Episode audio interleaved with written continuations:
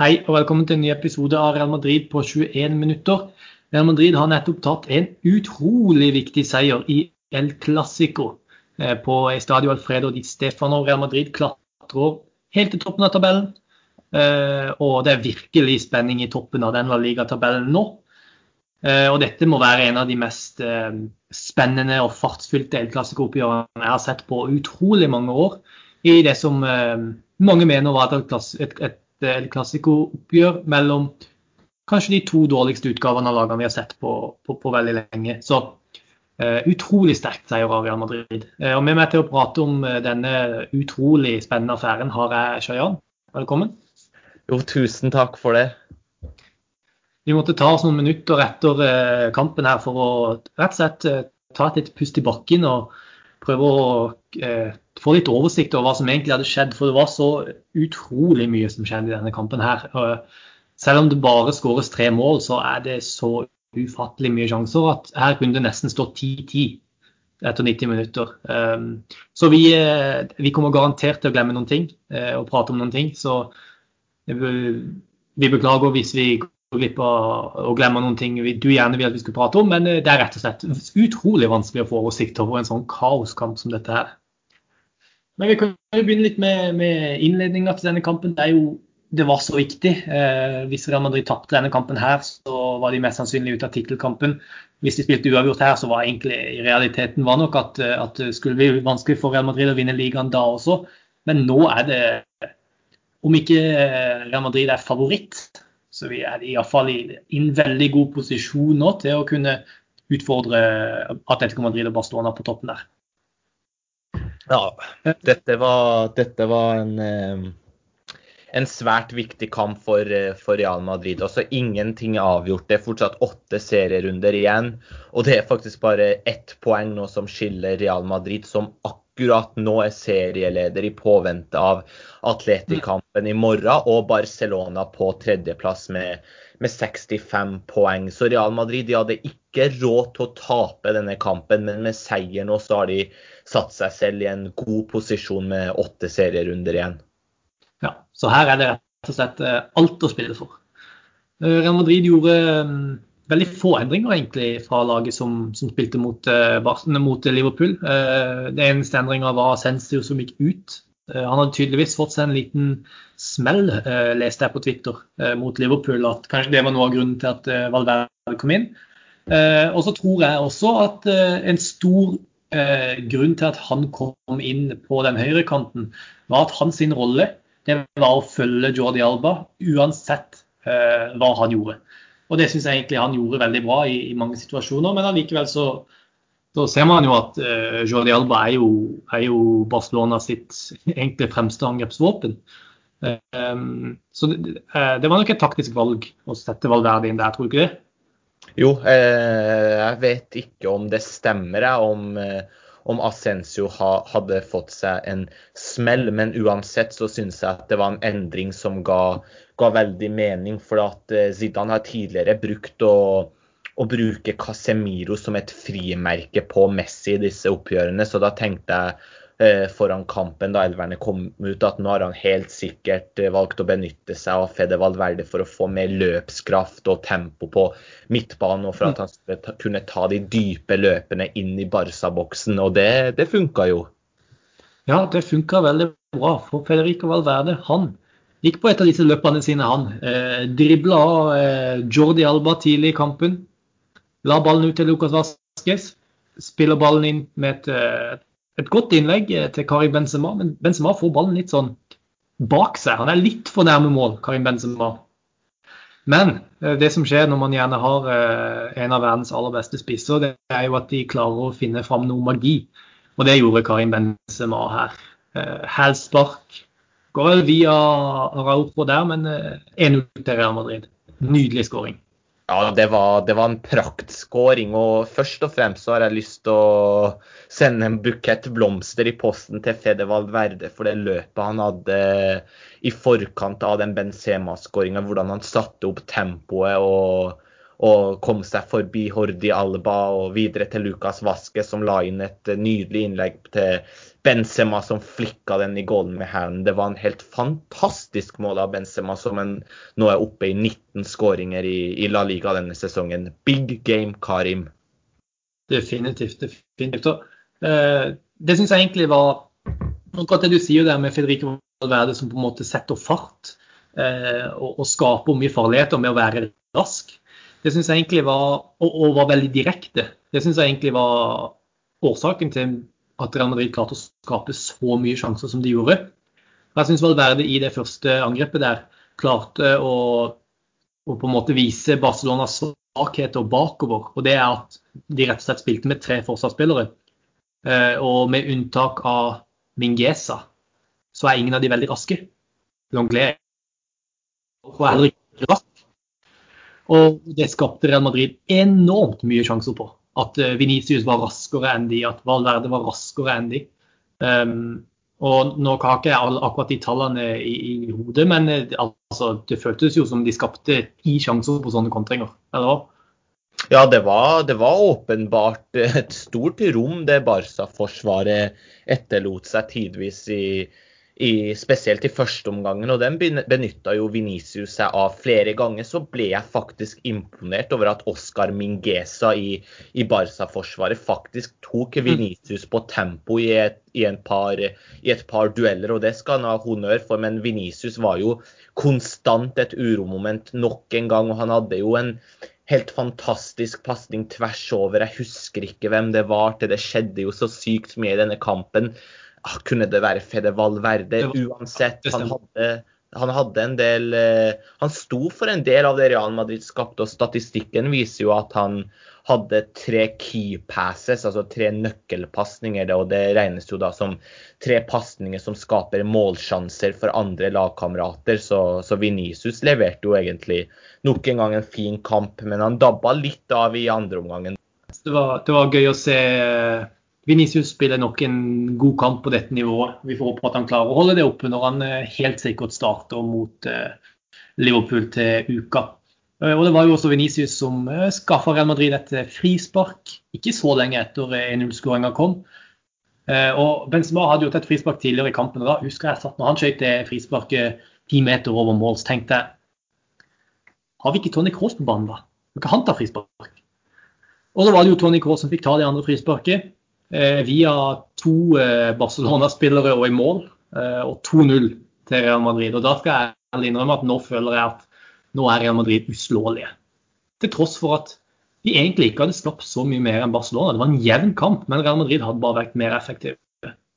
Så, så, da var det rett og slett 2-0 til pause. Barcelona skapte mye sjanser, de også. Dembélé kunne fort hatt både én og to skåringer før pause. Så i mine øyne så var ikke så stor spillemessig forskjell på lagene i første omgang. Det var rett og slett bare effektiviteten. Er du enig i det?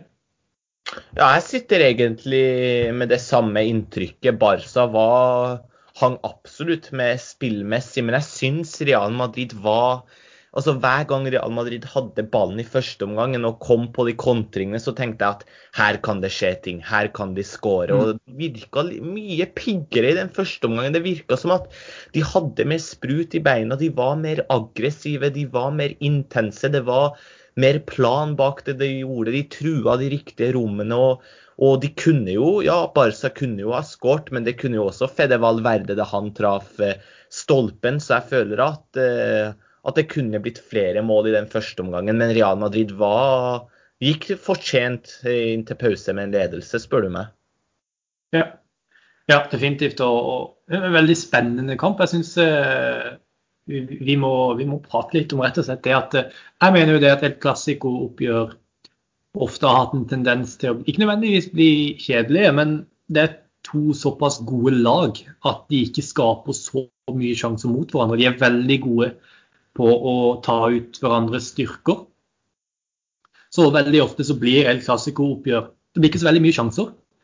Men i løpet av første omgang der så kunne det jo fort stått altså Det kunne seriøst stått 4-4 til pause. Det var rett og slett et litt sånn friskt pust, da, syns jeg. Eh, med at det, var, det rett og slett var veldig veldig mye som skjedde. Og det, det var virkelig gøy, altså.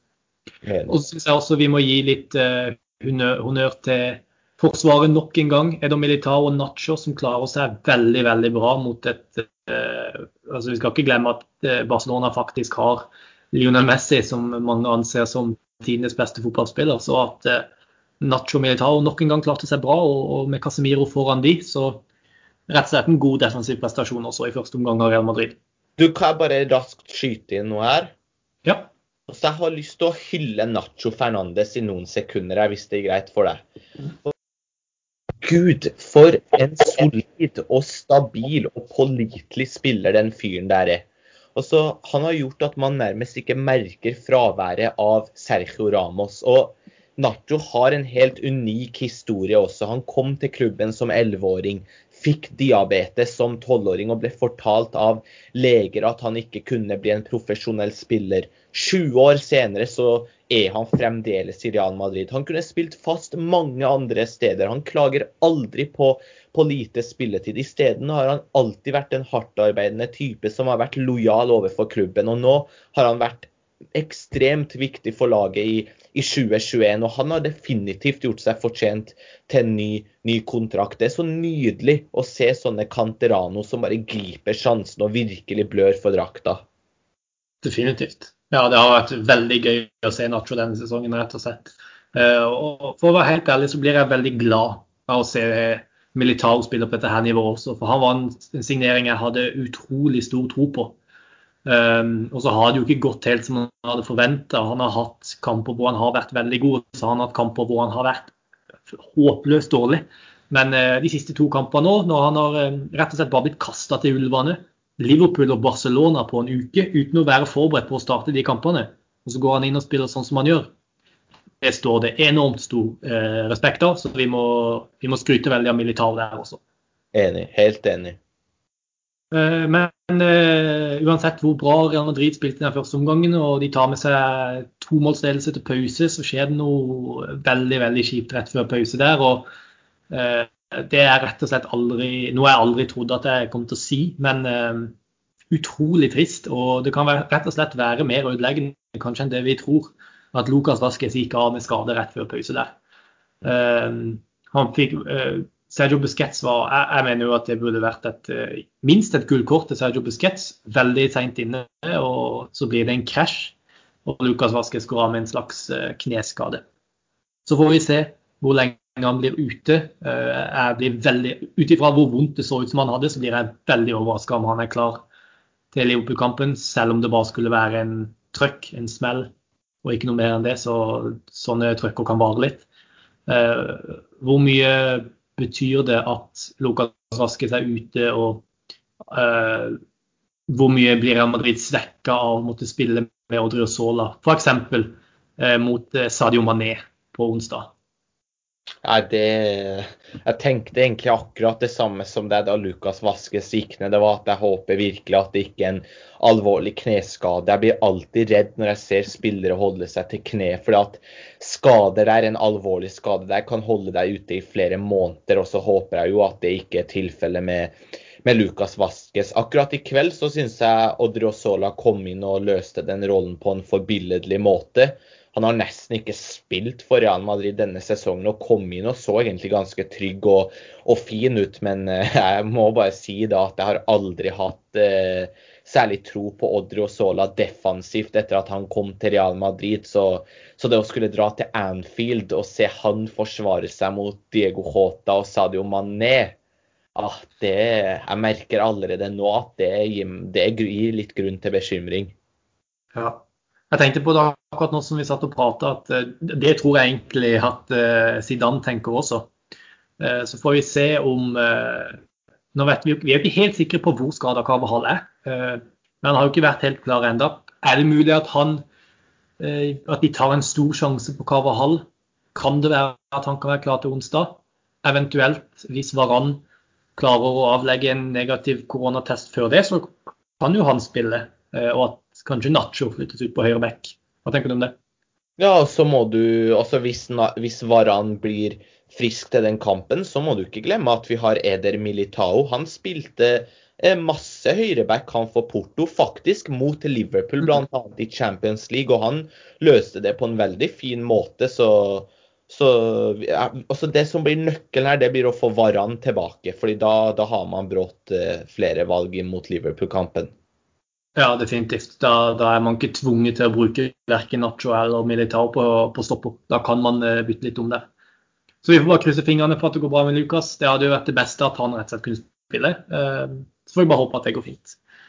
Men uh, tilbake til, til, Barcelona, til Classico. 2-0 til pause. Real Madrid kontrer Barcelona i senk.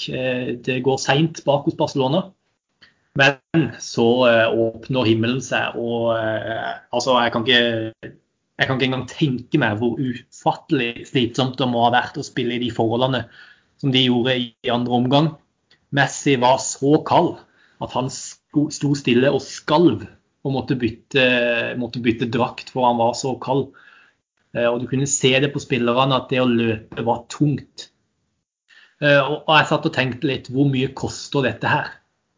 Ikke sant, i, i forkant av, av, den, av, den, returkampen i, i, Champions League mot Liverpool. Hvor mye kan det ha kosta å spille i de forholdene der?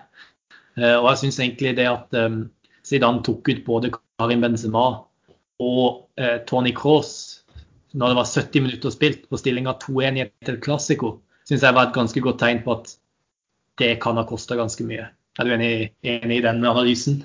Ja, og det, det har kosta mye. Um, Zidane sa, har nettopp for noen få minutter siden så fikk han spørsmål om, om, hvordan sesongen videre blir for Real Madrid. og Da sa han at laget er helt opp mot uh, limiten hva angår det fysiske. altså De er helt på bristepunktet nå. og altså, De har hatt så mange skader, det er så mye slitasje, det er så tøft kampprogram, så, så, han gjorde helt rett i å bytte de, bytte de, ut. Men det som er så fascinerende her, er at det er jo den 35 år gamle Luka Modic som spiller samfulle 90 minutter. Altså, Hva er den fyren der lagd av? Altså, Du tar ut Tony Cross, du tar ut Valverde, du tar ut Benzema, du tar ut Venicius. Men Luka Modic, han spiller 90 minutter. Legende.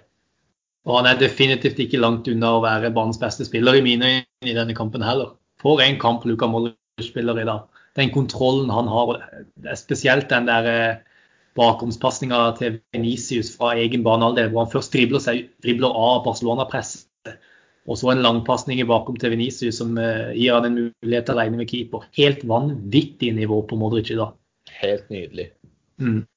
Uh, så Nå glemte jeg å si det, men Barcelona skåret jo de også.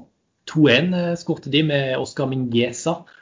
Eh, Jordi Alba selvfølgelig som sto bak den skåringa. Eh, Messi til Jordi Alba, det har vi hørt før.